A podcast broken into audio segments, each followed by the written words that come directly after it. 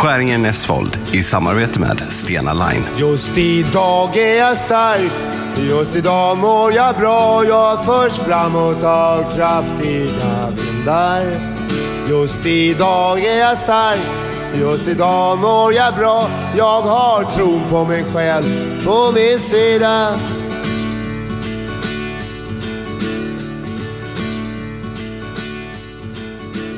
Det rullar, det rullar. Tackar, tackar. Då är det ju alltså avsnitt 101 idag. Är det det? Ja, Ja, det måste det ju vara. Shit. Det är ju fan Jävlar helt alltså. nytt kapitel. Som man inte... Som Ja, man skulle... startar man upp ja, ett nytt hur, hur gör man kapitel i den här boken. när man har träningsverk i kroppen och... eh, Jag vet inte, man är ju lite sleten. Det kan man ju inte sticka under stolen med just nu. Både kroppen och huvudet och själen och jag vet inte, jag, jag har svårt att få tag i vad jag vill, vad jag är sugen på. Alltså du vet så här bara, vad ska vi äta? Jag vet inte. Nej, Alltså så här basic saker som jag känner, jag vet, jag vet, jag känner ingenting för någonting. Jag är lite så. Och tyck synd om mig nu Det var det sista du sa Nej, men det, det är en fas som jag mycket väl kan möta upp dig i. Och en fas som jag tror man inte ska gå in och värdera så mycket i. För det är typ där, det går inte att vara på något annat ställe nu. Vem, varför skulle man ens bry sig? Lite den här känslan, varför skulle jag ens bry mig om vad jag ens känner efter, vad jag är sugen på när jag ska överleva en premiär? När, vi, när man, har påstått, man har påstått så mycket som man nu ska, ja, leva upp till. Om vi ska vara krassa, det ju. Nu, nu, vevar nu måste vi också veva upp i-världsflaggan här lite grann i dessa tider känner jag. Men det är ju alltid där vi är, vi kan ju inte vara någon annanstans och hålla på, eller hur? Nej, det har vi ju konstaterat. Vi kan berätta för er som lyssnar, vi har, vi har nu stått in the middle of nowhere eh, utanför Stockholm i en kall, stor eh, lagerlokal, som man ju gör när man ska då försöka måla upp en scen. Man ska trampa dit och det är stage left och det är stage right. Har du också upplevt en känsla av, eh, vi ska absolut peppa också inför att folk ska komma på den här showen, för det kommer ju bli kul, det kommer bli skoj. Ja, Men- ja, men det, ja, Ja, det är ju det här ja. vi gör för er nu. Ni måste ju förstå vad vi går igenom. Ja, Ja, för er, kärlek till er. Men, men den här veckan har jag också drabbats av någon Ja, jag hoppas att du kan känna samma, jag tror nog det. Mm, I slutet av förra veckan så kom det till mig, vad är det för person jag är som har ett behov av att gå upp på den Mm. här scenen, som frivilligt vill göra det här, som vill ta den här platsen. Jag, jag, jag blir, under den här veckan, när vi har repat vissa gånger när man har gått upp på scenen framför det här lilla, lilla teamet. Det här är vad jag, jag vill alltså det här tydligen, att ni ska stå här och titta på mig och skratta åt mig när jag tar på mig en peruk. Det är ju helt jävla sinnessjukt. Vad är det man kompenserar lite, för? Är lite jag- perverst. Ja, Är exakt. det lite perver- Ja, jag, jag förstår. Det är som att vi, lite, nu, nu, nu hårdrar jag det, det är hemskt det jag säger nu. Jag vet mycket väl och jag möter upp det där. Det är lite så här, nu tar jag av mig kläderna och så sätter jag mig och onanerar här på stolen framför er. Om det är okej. Mm. Är det okej med er? Ja, det är okej. Vi, vi kan ju komma med feedback efteråt om vi tyckte att du skulle komma lite tidigare eller om du blev för röd i ansiktet. drar för hårt, När du eller? onanerade. Ja, eller om du verkligen ska ha strumporna på dig. Tillför det någonting här att hon har tubsock eller ska hon sitta barfota? Det, det är precis det du beskriver. Jag håller med dig. Och då är ju jag så här, det här låter ju hemskt nu Hampus, men jag har precis tänkt samma tanke och så jag har tänkt så här, jag närmar mig i alla fall 50. Och jag kan ju lite så här tacka för mig efter det här. Ännu värre. Men du är ju i dina glansdagar nu. Du är 27 och du ska nu, du ska ju vidare på, det här är ju bara en liten passus, sen är det Stadsteatern och det är nästa inspelning och det är nästa inspelning. Uff. Jag tänker mer så nej nu gör inte jag det här något mer för att jag, mi- mina nerver orkar inte det här. Och då kan jag gömma mig lite i det. Men jag tänker tvärtom, att det kommer till att jag, är, jag kan göra det. Det är säkert att jag är ung, att man har ett behov av att vara någon eller synas eller ta plats för uppmärksamhet, bli älskad.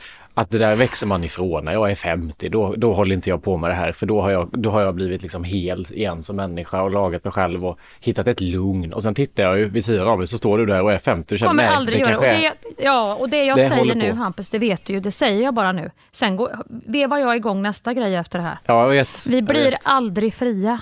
Och vad fan är det frågan om? Varför måste vi ha den här bekräftelsen? Det kan ju också vara lite fint att man faktiskt vill få andra som också är lite sorgsna att skratta.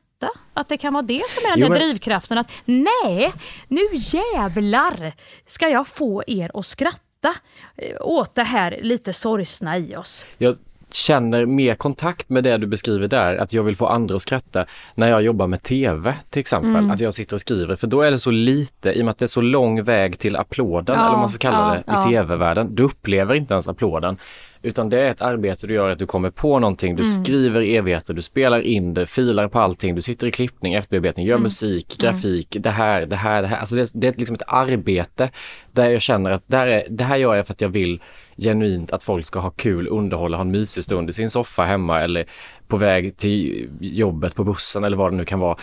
Och då känns det rent för mig. Mm. Men varje gång jag ska upp på scen så får jag det här. Varför påstår jag att jag ska stå här? Mm. Att ni ska ta ledigt eller ta i tid, fixa barnvakt, lägga pengar på det här för att komma och titta på. Då blir jag så här. Det handlar ju om att folk gör en man kräver någonting av folk. Att Mm. slå på någonting på tvn kräver ingenting, men det här kräver någonting. Att ni ska ta er hit, ni ska Ja, lägga pengar ja, på ja, det, ni ska liksom titta på oss i två timmar. Ni kan inte gå. Alltså det, Eh, det, Men det ligger inte det i live-grejernas, alltså livescenens, eh, som håller på att säga livmoder, ligger inte det inbakat i allt att dels så är det ju mycket mer en idrottsprestation man ska göra. Man övar och övar och övar på någonting och sen smäller det. Och så är det upp till andra, då är det recensenter och det är publik och allting som ska tycka och se.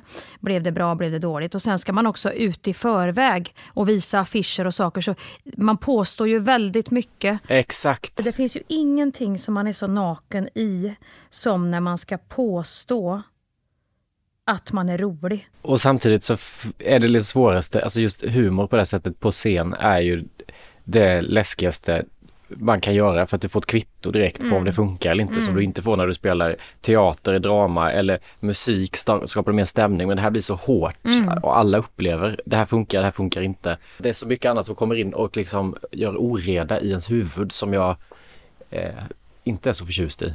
Nej, jag vet. Och då måste man gå tillbaka in i leken hela tiden och bara ha kul. Man får, skit, man får lite grann skita i, för att om man har kul själv och kan leka, då, då vill jag nog ändå påstå att det räcker en ganska bra bit. För börjar man där och börjar ta hänsyn till, då blir det så ängsligt och då börjar man att göra grejer som inte eh, blir bra. Mm. Jag, jag tror att vi ska säga så. Det är kroppens normala reaktion. Det är vårt psykes norma, normala reaktion på den processen vi är i och det kommer att gå över. Så det är ingen fara. Nej. Vi älskar det vi gör och jag måste ändå säga att även om vi trampar nu och det är mycket känslor och så, så Nej, det är riktigt roligt. Alltså jag känner att jag nju- Jag känner nog att jag mycket mer har kul nu när jag är med dig än när man ska göra tungrodda grejer ensam. För man är två Ja, som har lite kiss Ja, i visst. byxan och spänn, är spända i stjärten nu och ska Ja, tissla. Och att man kan vila lite på att det är bara humor. Alltså det finns inget allvar eller något vi egentligen påstår. mer än att det här ska bara vara en härlig kväll och det kan man också finna någon trygghet och lugn i. Jag tror att allt handlar om respekt för en publik också. Att man vet om att de har betalat pengar och tar sin buss hit Eh, och gör det här. Då det är en vanlig eh, respekt som man ska ha för sin publik och det är det som gör att man är spänd i den här fasen. Annars är det ju så här, jag bryr mig inte, jag bara går upp och gör lite så här och de... Eh, det, det är nog bara en sån här... Det ska man ha helt enkelt, tror jag.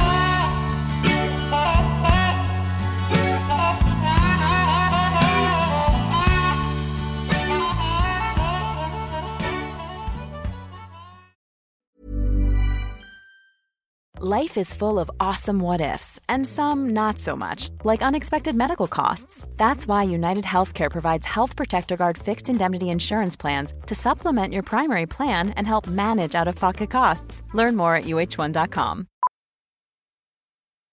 Millions of people have lost weight with personalized plans from Noom, like Evan, who can't stand salads and still lost 50 pounds.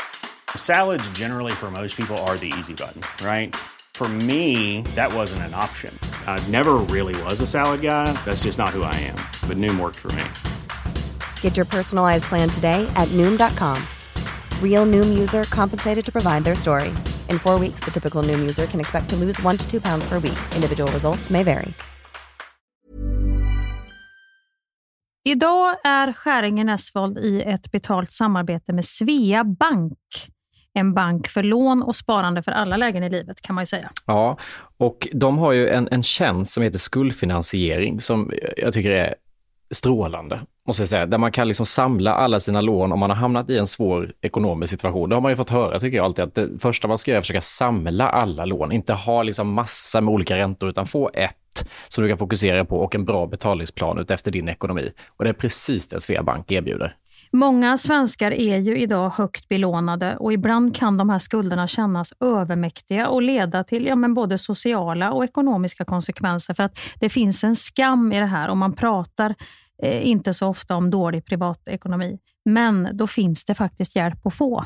Exakt, och skuldfinansiering då som tjänst, den går till så att de löser skulder hos inkassobolag och även hos Kronofogden. Eh, till och med när Kronofogden har gått så långt som att de vill sälja en fastighet så har de möjlighet att faktiskt hjälpa till och komma in där. Och du får ju inte bara hjälpen i form av lånet utan du får en personlig handläggare som är med dig inte bara när du får lånet utan även efter har någon som är med dig under avbetalningen. Du får en personlig handläggare som gör en grundlig genomgång av din ekonomiska situation. Sen tar då Svea kontakt med dina kreditgivare och när ett lån beviljas så löser Svea dina skulder åt dig och samlar dem i ett enda lån med en avbetalningsplan som just din ekonomi klarar av. Och Det som också bör veta är att hos Svea Bank så är det din ekonomi nu och framåt de tittar på, inte historiskt. Det spelar inte så stor roll.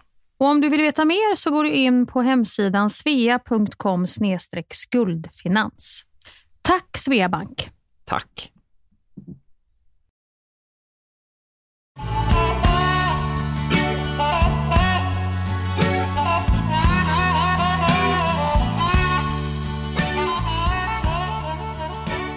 Du har ju nu premiär för Therese i kassan. God morgon motherfuckers! Fy fan, ny dag, nya misslyckanden. Det måste vi ju puffa för. Det måste vi verkligen Ja. eh, säga. Idag. Där har du något som du har suttit och pillat på. Precis, och det finns alltså nu när ni hör detta så finns det två avsnitt ute på SVT Play, avsnitt 1 och 2 och ikväll sänds avsnitt 1 på SVT 1 klockan 21.30. Och det får man jävligt gärna gå in och kika på, måste jag säga. Det har ju varit också en lång resa.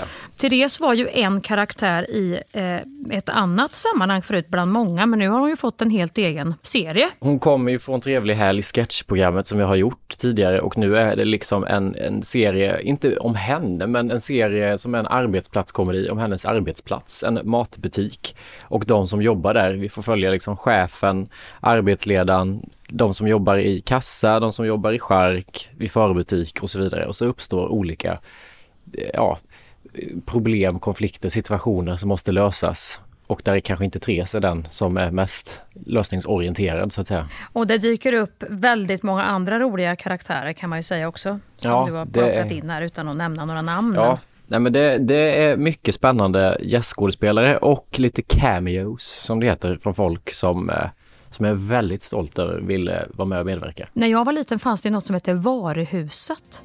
Som var jättestort. Ömans. Det var ju en dramaserie. Ja, det var, väl, var det inte där Lena Endre fick sitt eh, genombrott och Kristina eh, Jo, Scholin det och var Inga Gill och... Görel Krona. Exakt, precis. Och det älskar man ju. Alltså, det var ju sånt som mamma och jag och pappa, jag älskar när det var nya avsnitt. Nu kommer jag inte ihåg signaturen, men det var ju liksom...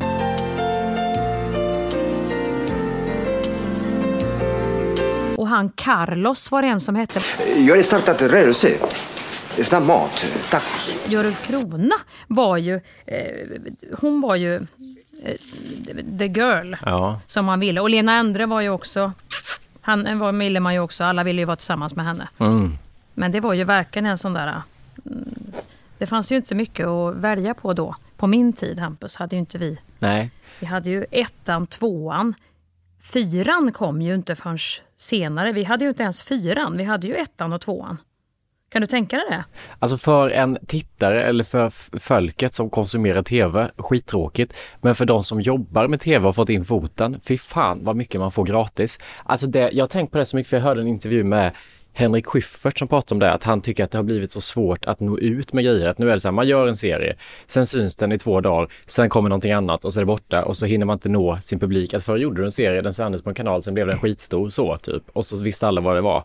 Och det lyckades. Alltså nu handlar ju fler möten om när man gör tv-program om marknadsföring, att nå ut med serien än själva innehållet i serien. Och det tycker jag är så jävla tråkigt att man, man får lov att göra ett tv-program, men det är inte givet att någon ska se det.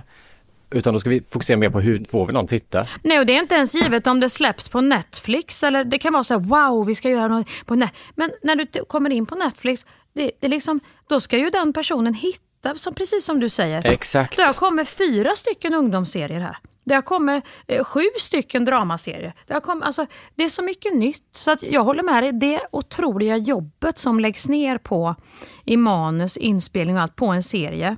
Som också ju ska få lov att kunna vara lite smalare. Mm.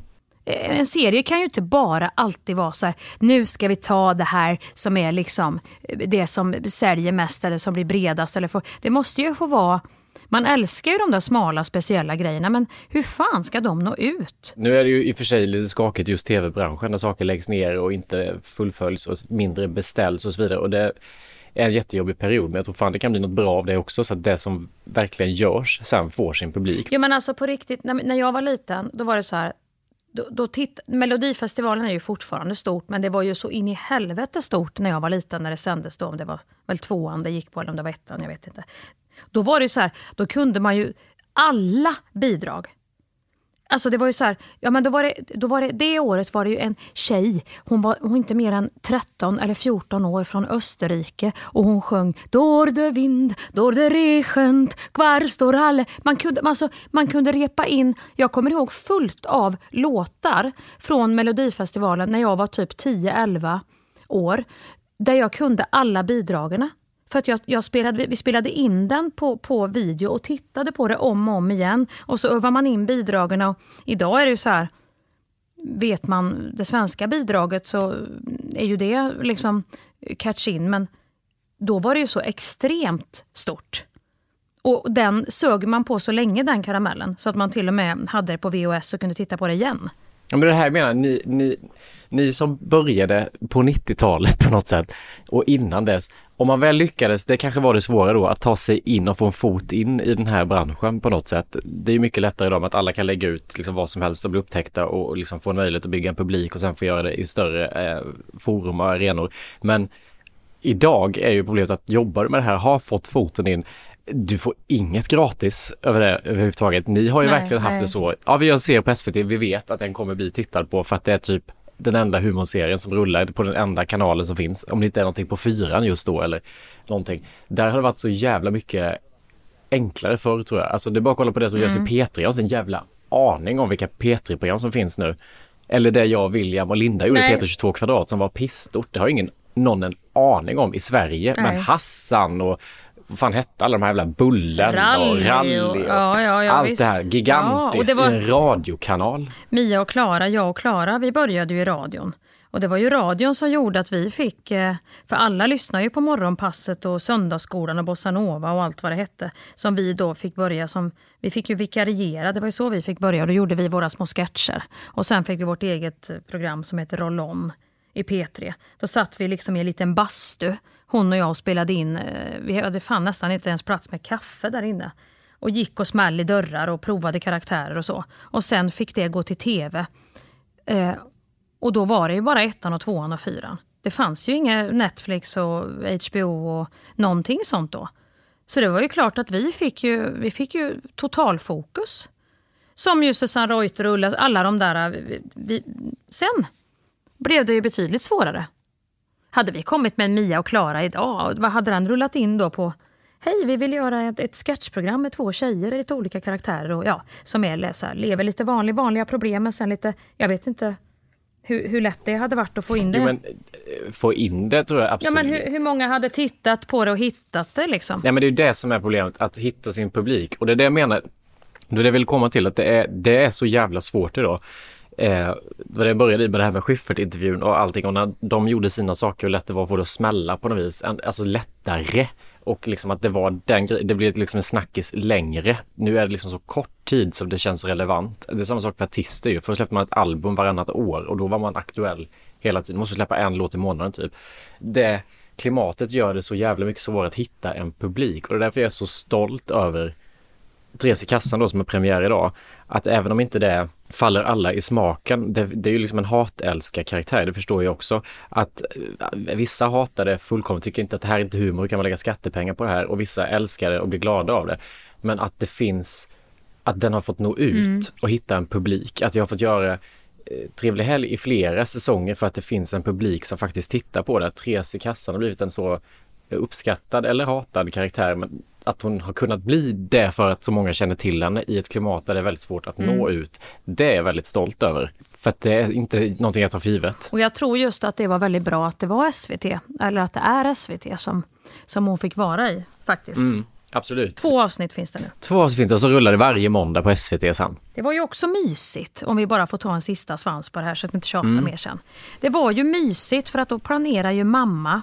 Min morsa hon gjorde en rätt som hette lördagsgodis, håll i hatten. Snälla, om någon annan vet om den här rätten så kan ni väl skriva in Alltså det var en maträtt. Ja, eh, en maträtt. Skriv in till Skäringen Näsvold och berätta om någon annan vet. Alltså, jag är uppvuxen ju i, i Kristinehamn och du vet, det fanns ett mys. Vi hade eh, ganska knapert med pengar så att vi, i Kristinehamn köpte man inte färska skaldjur. Då köpte man en, en påse frysräkor från Ulma eller någonting eh, på, på Ica. Och sen la morsan dem vet du, på ett tidningspapper ute på, i köket. Så låg de här eh, små rosa jävlarna och tina långsamt under dagen för då var det fredag.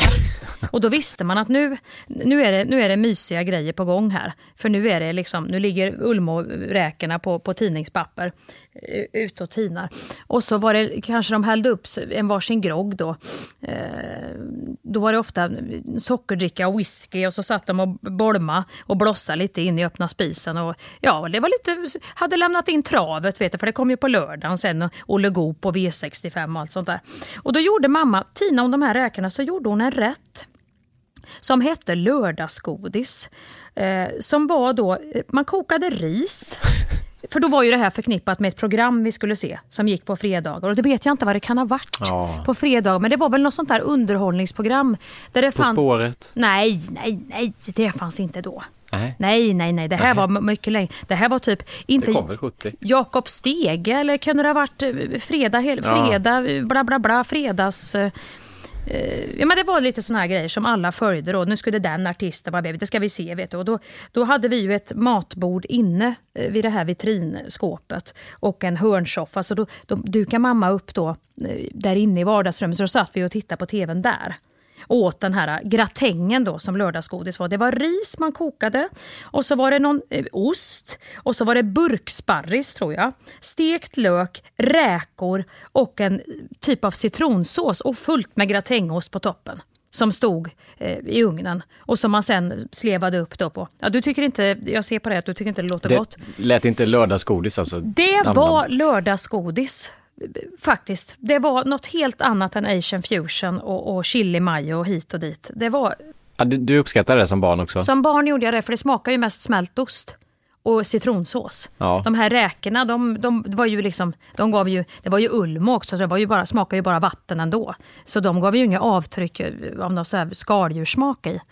Men just den känslan att vi satt där och åt den här lördagsgodisgratängen som var våran fredagsgrej och såg det här programmet. Det gav liksom en, eh, någon form av rutin också i livet. Det, det, det, som inte riktigt idag är så här, Lilo vill kolla på Youtube, vi vill kolla på Morning Show, släppt nytt avsnitt. Vi sitter inte ner så här, nu gör väl många familjer det, tänker jag, och tittar på de här, vad heter det, eh, Masked Singer och Robinson och så. Jo men jag tror att den åldern man gjorde det i förr var mycket högre. Alltså man kunde göra det upp till att man var Mm. typ 12-13 år. Nu tror jag det går väl bort redan när man kommer upp mot 8-9. Så är det Ja. inte intressant längre. Nej, Lilo han gamer, han gamer ofta på kvällarna och liksom, han vill titta på Mauris nya avsnitt eller JLC eller något annat så. Han, vill inte, han är inte så intresserad av liksom Masked Singer tyvärr. Men jag går tillbaka, jag, vi hade, alltså för mig var motsvarigheten väl då tacofredagarna som kom Mm, senare mm. väl. Det hade man ju hela barndomen. Alla i klassen liksom visste att ikväll är det tacos i alla hushåll och så Ja. var det Fångarna på fortet typ eller något annat. Och det kan jag, om jag liksom känner mig orolig, som lite den här perioden är att man är lite Mm. orolig, mycket hus och så vidare, då kan jag gå hem och nästan köpa på mig tacotillbehör och grejer och sätta mig och sätta på, inte på play utan tvn, TV, titta japp. på Postkodmiljonären, Japp. Keno, Fångarna på Ja. fortet, Nyheterna 22, Fredagsfilmen som kommer och så somnar man framför det. Efter fem kan lugna, efter fem med Tilde och de står och berättar och det är någon, det kan ju lugna, det är ju som en brasa som sprakar. Ja, det är underbart. Här pågår saker i bakgrunden och jag, jag bara sitter här och det kommer att gå jättebra det här. Eh, två veckor kvar till premiär, det är ingen fara med någonting. Känner man då. Men det, det där, alltså, det hamnade jag i en diskussion om häromdagen, för jag har ju tvn på hemma typ hela tiden. Alltså jag Alltså så fort Mm. jag är hemma själv så är tvn på. Inte så mycket musik, bara tv. Och då gärna Nyhetsmorgon eller Efter fem och de här programmen som också är live. Så jag vet att det gör de människorna just nu och det finns andra människor som ser exakt det jag ser. Det här Hem till gården till exempel har inte alls samma effekt. Då stänger jag av eller Plats i solen, det har vi pratat om, hatar när det börjar rulla. Men de här live-programmen skänker mig en sån härlig trygghet, hemkänsla. Men det här tyckte någon annan som jag pratade med var så jävla deppigt. Nej, det tycker jag också ger en otrolig hemkänsla. Eller hur? Det är inte Att konstigt. höra, höra de här rösterna. Typ så också ge, ge, det är också så här i tider som dessa med Sverige. Det är ju också känslan av att man bor i ett land. Ja. Att vi håller ihop i det här landet. Det här är vi, vad vi och bla bla bla. Och, För hade jag gått här hemma och lyssnat på en, en spellista jag själv har komponerat, då är det Nej, jag som oh. gör detta. Lyssnar jag på en podd så är det jag som Ja. lyssnar på en podd av det jag är intresserad av. Ja. Det som går på tv just nu som någon annan har lagt, tablålagt, som sänds nu, Ja. det ser jag och många andra. Vi har inte valt det. Vi har valt att sätta på kanalen, men vi har inte valt vad som Nej. rullar på kanalen. Och det, känner, det finns någon samhörighetskänsla där som jag tycker om och som jag blir rädd för när vi pratar om tv-döden, att det inte kommer finnas kvar tv på det sättet, för vi alla väljer vad vi vill se. Det tycker jag är så jävla trist, för det skänker så mycket trygghet och jag tror det är för många. Det tror jag med. Vet du, är det inte lite att du skickas tillbaks till barndomen där också som när mamma satt och tittade på skidskytte hela tiden satt hon och tittade på det här och liksom hade kaffetermos och sånt. Och man hörde det, det bara pågick hemma. Mm. Man var barn och man hörde det här mysiga. Ofta tycker jag just med sport och förknippat med min mamma, hon är så jävla sportintresserad. När hon kollar på sådana grejer, det kan jag vilja ha på hemma. Skidskytte, nu är ju inte skidskytte nu, men sådana sportgrejer. Nu ska han, vad heter han, Dublantis, vet du, nu ska han, vad gör han? Kastar han kula eller hoppar han? Jag vet inte vad han gör. Dublantis brukar mamma prata Ja. om. Fy fan, han är så bra Dublantis, vet du. Eh, Eller vilka det nu kan vara, som någon som ska simma eller eh, någon som ska göra något tresteg och hoppa över någonting och sånt. När hon pratar om det och det pågår, Ja, det är något jätteskönt med det. Det är lite samma känsla som man somnade bakom mamma och pappa i soffan. I något Ja, jag vet. Och, och det var någon tv-serie på. Det är också det är så här, jag checkar ut, ni tar över och fortsätter en stund. Det, det är nog någon känsla av det. Det är nog det jag har, för min pappa kollar alltid på travet, det är ju på lördagarna på TV4 vid- på eftermiddagen. Då börjar ju travet. Ja, travet ja. Och det har jag någon inbyggd sån nästan Skalman-klocka, att oavsett var jag är så slår jag på vid en viss tid på lördagar, tvn och så är det trav. Alltså det spelar ingen roll om jag varit på en dagsfest, om jag är hemma, om jag är borta. Så är det som att jag undermedvetet tar kontrollen och slår på och så är travet på Ja. och sen går jag och sätter mig igen och gör det jag gjorde. Och folk bara, varför ska du titta på trav? Har du spelat eller? Nej, nej, nej, nej, jag tänkte bara, kan tvn på? Ingen annan som fattar den grejen, eller tycker också det är jättekonstigt. Det kanske du skulle börja lämna in. Ja men kan du inte börja lämna in, då kan du ju sitta vet du och heja på din häst. Kan ju vinna mi- Ja, jättemycket pengar på det. Ja, fast det är liksom inte där myset sitter. Det är bara att det pågår trav i bakgrunden. Gärna också vill jag ju ha pappa som sitter i, i soffan och. Bayron! Helvete! Han var så jävla nära. Vad är det med hästfan? Han är inte på hästen idag. Tippar han alltid med sin kompis Bayron och så ringde så fort loppet är gjort så ringer han upp Bayron. Ja, är du, ja, ja, ja, ja, hur gick det på din? Nej, nej, vi vann inte. Nej, okej, 20 kronor. Ja, hörs vi nästa lördag. Köper du lördagspåsen? Och det lät så mysigt med de här lördagspåsarna. Och sen är det någon jävel som de stör sig på som ska åka ner till, vad det nu kan vara, Nivelius heter det i Kristinehamn. Som ska åka ner och hämta ut storvinsten vet. Och Ja. sen går ryktet i stan. Ja, han vann ju 1,2 miljoner nu. Han delar ju inte med någon. Eller det var ju två vinnare vet du, på 4 miljoner nu så att det är väl b- b- b- Lotta nere på det. Då är det alltid någon, då går ryktet om vilka, och de får ju, de får ju hålla låg profil sen när alla vet att de drog hem 3 miljoner. Det är fan det mysigaste. På tal om, du tog ju upp Ulf Malmros innan, men han gjorde ju en film som heter Bröllopsfotografen och i den finns det en scen när vad heter han som spelar bröllopsfotografen? Du har också spelat med honom. Björn Starin. Ja exakt, han och Lotta Teile och eh, någon till sitter, de spelar ju familj, han bor hemma, han är väldigt gammal och så är det då att de gör i ordning mat, sätter sig i soffan med den här brickan med mat och så Gillestugan va? Är det inte Gillestugan till och med? Ja, och så skickar de runt tv-bilagan. Nästa vecka så kommer inte jag kunna göra någonting. Det är bra på tv varenda kväll ser jag här. Ja, tyst nu. Men vad sur han ser ut människan. Och så har drar de med överstrykningspenna Ja. på vilka program de vill se i veckan och så svarar de på alla frågor på påskmiddagen. Japp. Det är så mysigt. Det är, det är tryggheten Nej, inkapslad på något Ja. sätt. Just i gillestuga också, det tror jag också inte är kvar. Vem har en gillestuga idag? Gillestuga, det är ju som en stor bastu nere i källaren med små fönster uppe, för det är ju under mark så att säga, men så var fönstren där uppe där man hade gjort det riktigt murrigt och gott med ofta teak och sådana här bruna soffor var det, och heltäckningsmattor och där hade man tvn. Och det var där nere man, man då hade det här myset i gillestugan. Skulle någon fråga utom från ett annat land, vad är gillestuga? Så hade jag haft väldigt svårt att definiera syftet med det rummet eller funktionen. Ja, är, det är inte en tvättstuga Nej, men det är inte heller ett vardagsrum helt och hållet. Det är lite fulare. Det är det där rummet i källaren, ja rummet i källaren som eh, vissa kanske gör till gästrum idag. Eller Man, hobbyrum. idag säger man mer gästrum. Ja, hobbyrum, hobbyrum, exakt. Men förr var det ju mer, här står mormors solarium. Här är utklädningskläderna till jultomten, en gammal plastgran och så var det de möblerna som blev över lite grann som inte var så noga med, men ack så mysigt det var. Det är ungefär som du skulle fråga bilbingo, vet jag inte om finns idag heller. Det, det, det körde ju morsan och jag Jo, det finns. bilbingo på Gälleråsen i Karlskoga. Med dutt, då hade man ju, morsan hon köpte ju för fan sju stycken sådana här jävla spel och tejpade upp och hade ett sånt där skrivbordsunderlägg, vet du, sånt där styvt. Vi andra, vi hade ju svårt att hinna med en, vi som satt i bak och dutta, eh, så kryssa för den. Bertil nummer nio, en nia, ja. Och så var det Olle nummer sju. Mamma, mamma, vad är det nu? Nej, men Olle nummer sju. Men mamma satt ju med sju stycken. Nästa. Och rökte också, så det var ju... Man såg ju knappt liksom, siffrorna där inne, för det var ju fullständigt igenbolmat. Och sen det här... När hon slängde sig på tutan. Och då, då var det fest i bilen. Ja, då var det så glatt humör så att då var det Dire Straits Walk of Life hela vägen hem.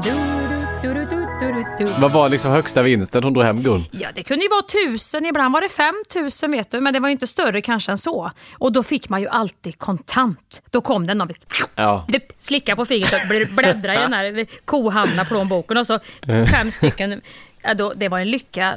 Den lyckan vet jag inte, den är svår att uppleva idag tycker jag. Det var otroligt.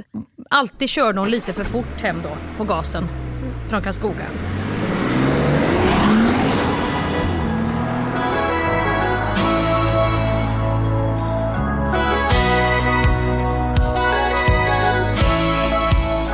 När man åkte hem var det ju en glädje som var otrolig. Om man hade fått en tusing med sig hem. kul.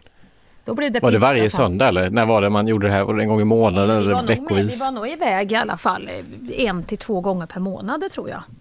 Det var ju Ja, Filipstad och Karlskoga, det var ju de här.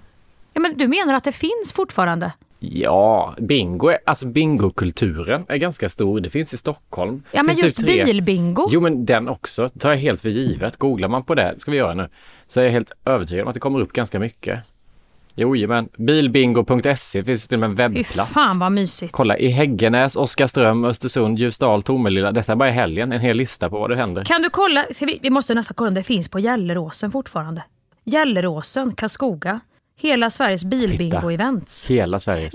Ja men de där ställena, du vet, antingen är det bilbingo eller så är det rent tentfest eller så är det rally. Det är de där ställena som de kan göra lite allt möjligt med.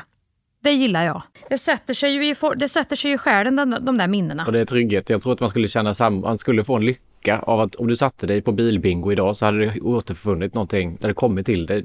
Liksom minnen av vad du kände då eller Men det kan jag, ibland kan jag känna lite sorg för, för då undrar jag så här, vad har jag gett till mina, eftersom allt sånt här dog ju ut när man flyttade från småstan. Jag flyttade ju inte till Göteborg och tog Heli och Alfred med och åkte ut på bilbingo. Varför gjorde du inte det? Nej, men jag, nej för att jag var inte intresserad. Liksom, det, det, var ju en sån där grej som jag förstod senare. Jag var ju så fokuserad på att det här ska jag inte göra. För sen kommer man in i tonåren och då blir det plötsligt pinsamt och så ska man spela någon cool typ som flyttar till Stockholm och ska börja jobba på ZTV. Då vill man ju inte ens erkänna att man har växt upp i en bilbingo-kultur. Det är ju inte först man börjar bli så här typ 25, 30 som man börjar ta tillbaka de här grejerna in i sitt liv. För eh, eh, under en period ska man ju vara motvalls till allt man själv har växt upp med. Då, då var det så här, nej men jag, då, då, då, skulle man liksom låtsas att man var någon, något annat. Det var ju sen jag förstod att det här var ju mysigt. Jag har ju, det har inte jag tagit med mina barn på. Jag har inte gjort någonting sånt. Eh, jag har ingen lördagsgodis, någon rätt som jag lagar på fredagarna. Jag tittar inte på några program ihop med dem. Jag åker inte på bilbingo. Vad bytte jag ut det mot? Men det är det, varför måste man, när man flyttar till en större stad, varför måste, för jag har också gjort det här att jag vill byta ut allting. Man ska leva så himla eh, härligt, spontant och mycket och hitta nya sätt att vara på och rutiner och allting. Men nu kan jag börja känna att fan, finns det inget sätt man kan liksom få girigt nog plocka russinen ur kakan? Att välja, det här är jättebra med den stora staden jag bor i och möjligheterna det ger. Men det här var jävligt härligt med den lilla staden, att vi åker ut på söndagar och handlar, att vi gör det här på fredagar, att jag åker på den här marknaden här kanske nu, för nu var det marknad här borta, vad mysigt att åka ut dit och göra det idag. Alltså, för det där tycker jag att när jag gör de grejerna i Stockholm så känns det som hemma på ett sätt jag inte gör annars. Man ska nog tänka på det kanske när man flyttar till en större stad sådär, att man inte bara ska radera ut det där. För det där var myset, det där var det som Alltså, speciellt när man själv var barn, just om man tänker på det att det som, det som är min vardag, så att säga, det är det som blir deras barndom. Det är det som de minns sen som sin barndom. Så att om jag stressar i min vardag från morgon till kväll och allting handlar om jobb, vilket det ju kan göra i perioder, så är det ju det som, är, som de ska kalla för sin barndom sen, som de minns. Och om jag har tagit bort allt det här, liksom, det gör vi då, det gör vi då, det gör vi då. När man var barn kanske man inte tyckte att bilbingo var något. Åh, ska vi ut med båten nu? Åh, ska vi ut och plocka svamp? Ska vi bilbingo? Men fan i mig, det är ju det jag minns nu. När vi skulle gå ut till samma ställe varje år och leta kantareller. Ska vi hitta några? Kommer vi inte hitta några? Vad har hänt med ödehuset? Vågar vi gå in idag? Ska vi kolla om vi fick några fästingar när vi kom hem? Ska vi rensa kantareller? Varje år samma sak. Om jag ska gå ut med mina barn och plocka kantareller, då gör jag det till ett jippo. För det händer så jävla sällan. Gud, vet ni vad vi ska göra idag? Nej, och då får vi åka ut och köpa stövlar och regnkläder först, för det har vi ju inte. För vi plockar ju aldrig svamp. Och vi ska köpa termos, för att vi ska ju koka kaffe, det har vi ju heller inte hemma. Så det blir ju en hel jävla dag som går åt att förbereda den här otroliga svampplockningen som vi åkte ut på. Det blir ju så konstruerat, det som var Ja, nu ska vi åka till och köpa nya träskor till hela familjen. Och det gör vi där. Och det gör vi en gång om året. Och i år förstår du Mia, så kan, sitter det en som handmåler så nu kan du få glassar eller en nyckelpiga på. Nej men gud vad spännande. Nivån var ju också då så jävla låg för hur, att när det blir sköj. Alltså bara ta vi hade myset att vi åkte och hyrde film, tre filmer för 99 ja. och så fick mamma, pappa en, jag en, min bror en. Och det var liksom, åh oh gud, idag ska vi hyra film. Men nu när man har hela Netflix och SVT och TV4 och Amazon och detta, ja. så är inte det myset, det kan ju inte jag överföra till mina barn. Det är alltid mys för dem med de här apparna och möjligheterna. Så jag tänker Exakt. att det måste finnas på ganska många områden där man så är så bortskämd idag med att man har och får allting hela tiden. Så att man nästan kan sakna det här gamla uttrycket ja. som folk som jag hatar lite bäst, du fattar lite. Det är nyttigt att ha tråkigt med för då vet du när du har kul.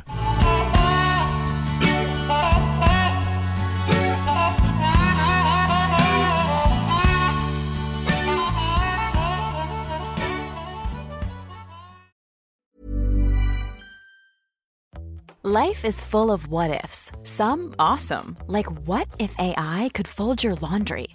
And some, well, less awesome, like what if you have unexpected medical costs? United Healthcare can help get you covered with Health Protector Guard fixed indemnity insurance plans. They supplement your primary plan to help you manage out of pocket costs. No deductibles, no enrollment periods, and especially no more what ifs. Visit uh1.com to find the Health Protector Guard plan for you.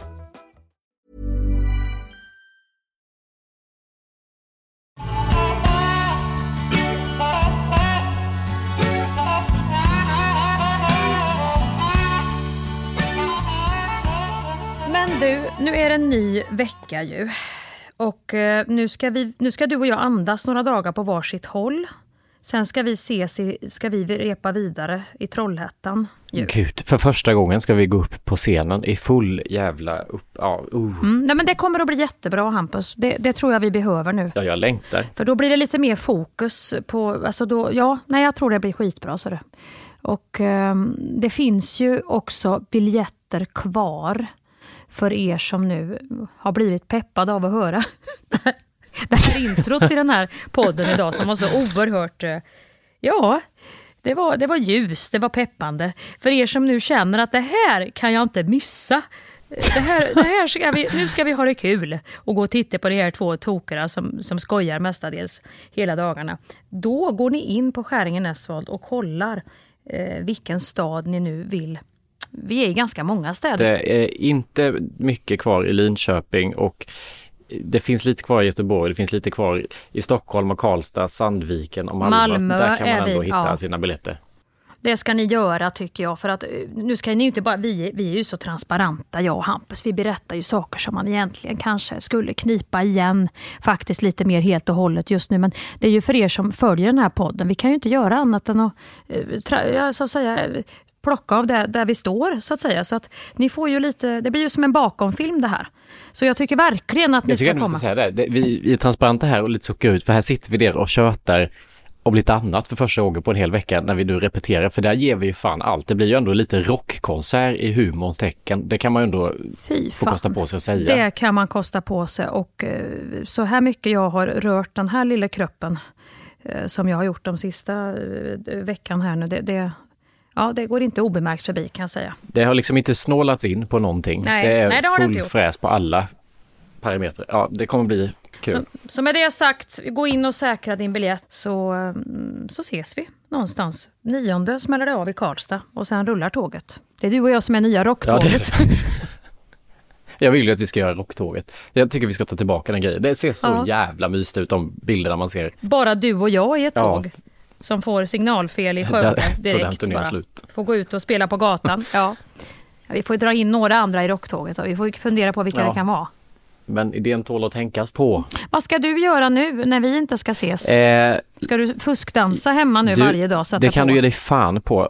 Fuskdansa och lära mig text. Ska du vara ledig har du tänkt eller? Hö- Höstlov? Nej, nej, jag ska lä- jag, jag, Snälla du Hampus, jag var uppe redan i morse och gick och hämtade det här manuset som nu det står eh, final på. Äntligen, jag vet inte hur många manus jag tryckt upp. Och så börjar jag direkt att se, nej men den här, börjar jag med överstrykningspenna för det är så min hjärna måste göra. Nej, men, så säger vi ju inte längre. Då fick jag stryka över det. Och skri- så det är ju redan kaffe och Ja. rosa pennor och tuschpennor. Och, men eh, jag vet inte hur du lär dig text. Jag kan ju inte plugga. Jag måste, jag måste först bara läsa det om och om igen och så får jag gruppera texten. Till exempel när jag har en lång harang om det är en monolog, då får jag ha det hör ihop med det. När den är slut, då påbörjar jag, kör jag på, då kommer jag ju ut från rondellen och så kör jag på E18 igen, så då kommer vi in till huvudämnet och då säger jag det. Sen är det en liten jävel avtagsväg här på en skogsväg, där ska jag stanna och pinka, vet du vad då ska jag säga det där lille. Tillbaka till E18 igen och där är det, huvud, där är huvud, huvudled, åter tillbaka till ämnet. Där tar vi av igen och där går vi in och köper en kurv. Alltså så får jag jobba med text. Det var jävligt bra. Ja men du fattar vad jag menar när det är sån här, när, när det är, man har ju oftast ett ledmotiv i sin text, en huvudsaklig grej man pratar om, men sen kommer det små avtagsvägar. Då får man liksom hitta olika metaforer för det. För mig är det väldigt, det sitter i muskelminnet så jag måste, jag måste gå hela tiden. Jag kan inte sitta ner och lära mig texten. Jag måste gå, Nej. liksom visualisera upp scenen, rummet och säga när jag är här, Mm. då gör jag det här. Och då, för då kommer ofta repliken av sig själv. Då har jag lärt mig mer än vad jag tror. Och så fortsätter jag ner och då fortsätter jag sen se, nu vet jag inte vad jag ska säga. Okej, får jag kolla. Just det, här kommer den grejen och då vinklar jag mig så för då kommer jag komma ihåg det, gå hit. Så att jag måste liksom nästan koreografera. Det låter lite liknande det du gör, bara att du tänker i, i vägar Ja. och Nej men det, det är, jag gör så också, för då kan du hänga upp det på att när du går ut dit, då är det den grejen du ska säga när du ska ta det där chipset. Och sen så går du dit för då ska du göra det. Exakt. Typ så. det hjälper. Det, det, men det, det, det brukar vara, just nu kan det kännas övermäktigt, men det brukar ändå komma. Så det är väl det vi får göra då, så att vi kan det. Det kommer nog vara väldigt skönt för oss att vi, vi har kan. ju skrivit och läst det här så mycket så att undermedvetet sitter mycket redan Ja. utan att vi fattar det. Jag tror också det. Och skönt att vara två. Det finns alltid någon som kan driva. Det här är så roligt också att vi nu skulle få få, nu skulle vi ju då gå ut lite så här mer peppigt och, och avsluta den här podden med att säga köp biljetter. Men då ska vi in och älta hur vi ska lära oss det här som de ska få se som nu ska köpa de här biljetterna. Ja, Kom! kom och njut. Och man kan, ni kan få vara med. Jag kan, det här tänkte jag skulle säga också. Vi ska ju ha en liten sån spellista när man kommer in i arenan. Är det någon låt man känner så här, det här peppar igång mig, det här blir jag peppad av.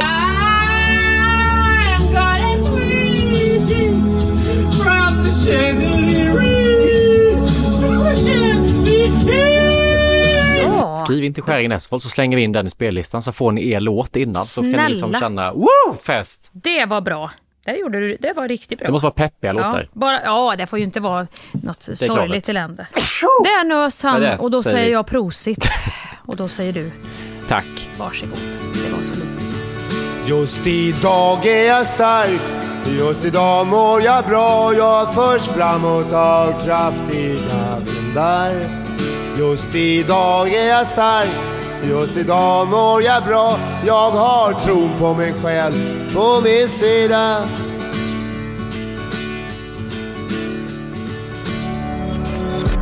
Thank you for listening to this Polpo original. You've been amazing.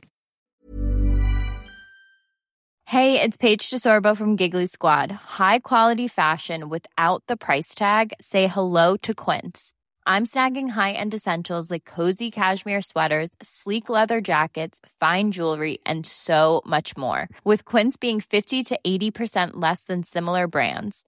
And they partner with factories that prioritize safe, ethical, and responsible manufacturing. I love that. Luxury quality within reach. Go to quince.com slash style to get free shipping and 365 day returns on your next order. Quince.com slash style. This message comes from BOF sponsor eBay. You'll know real when you get it. It'll say eBay Authenticity Guarantee. And you'll feel it. Maybe it's a head turning handbag, a watch that says it all, jewelry that makes you look like the gem, or sneakers and streetwear so fresh every step feels fly. eBay gets it. So look for the blue check mark next to that thing you love and be confident that every inch, stitch, sole, and logo is checked by experts. With eBay Authenticity Guarantee, you can trust that feeling of real is always in reach. Ensure your next purchase is the real deal. Visit eBay.com for terms.